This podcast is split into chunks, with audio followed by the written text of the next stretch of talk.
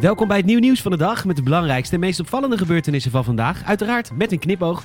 Met vandaag versoepelingen voor de meeste contactberoepen. Sneeuw in Texas is een complot. En eerste effect vaccinatie zichtbaar. Mijn naam is Peter Bouwman en dit is het nieuw nieuws van de dag. Dinsdag 23 februari.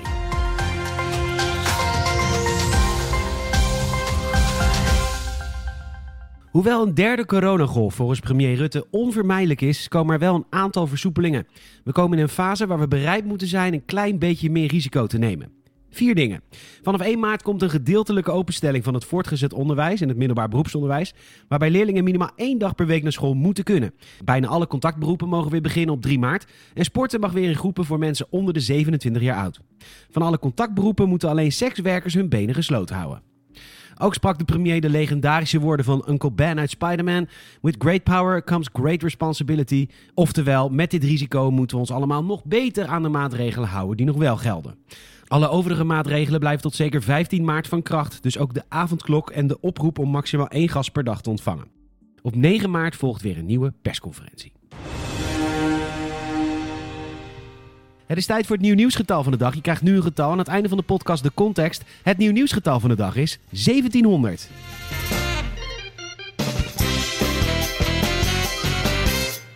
Het aantal coronabesmettingen onder bewoners en medewerkers van verpleeghuizen is in vijf weken tijd ruim gehalveerd.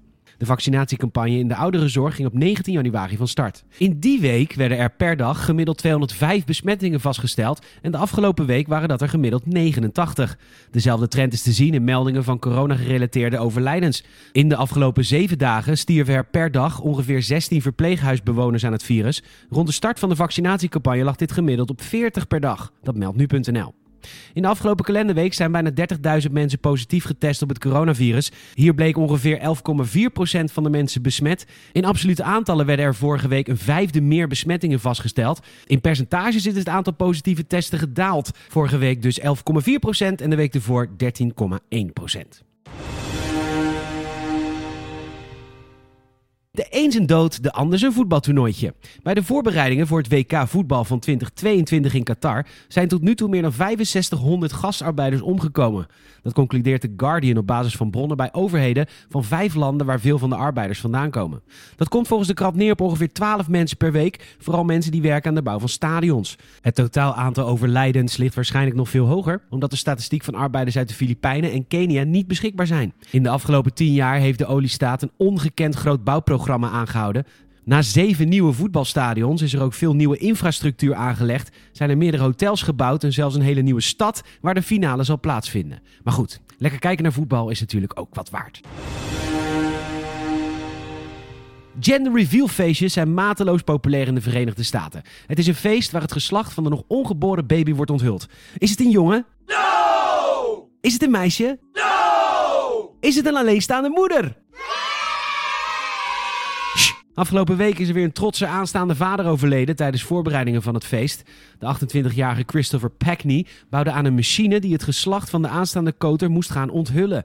Daarbij ging iets mis, want de constructie ontplofte, waarbij hij omkwam. Ook zijn broer raakte gewond en is naar het ziekenhuis gebracht. De politie onderzoekt de zaak, maar het is nog niet precies bekend wat de explosie veroorzaakt heeft. De explosieve opruimingsdienst is ingezet om te helpen bij het onderzoek. De broer noemde het voorval het meest bizarre ongeluk dat ik me kan voorstellen, al blijven details achterwege.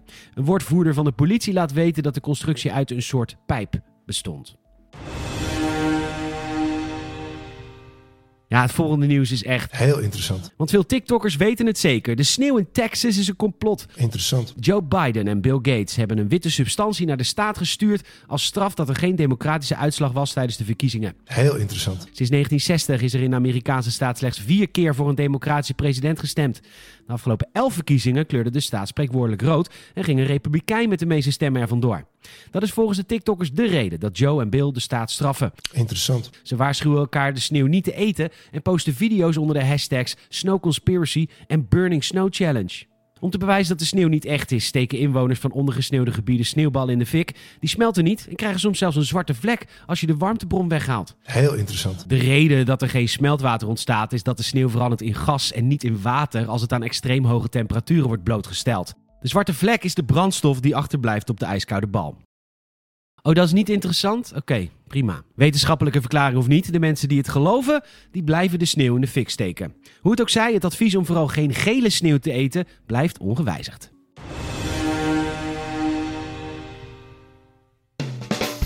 Het nieuw nieuwsgetal van de dag is 1700. We hebben alweer bijna een maand geen datadebakel meer gehad, maar het is weer raak.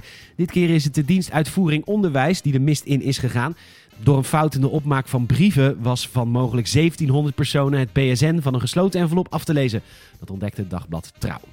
Bedankt voor het luisteren. Help het nieuw nieuws van de dag te groeien. En vertel een vriend of vriendin over deze podcast. Laat ik even een Apple Podcast review achter. Check elke dag nieuwnieuws.nl voor het laatste nieuws. En volg ons ook even via YouTube, Instagram, Facebook, Twitter en TikTok.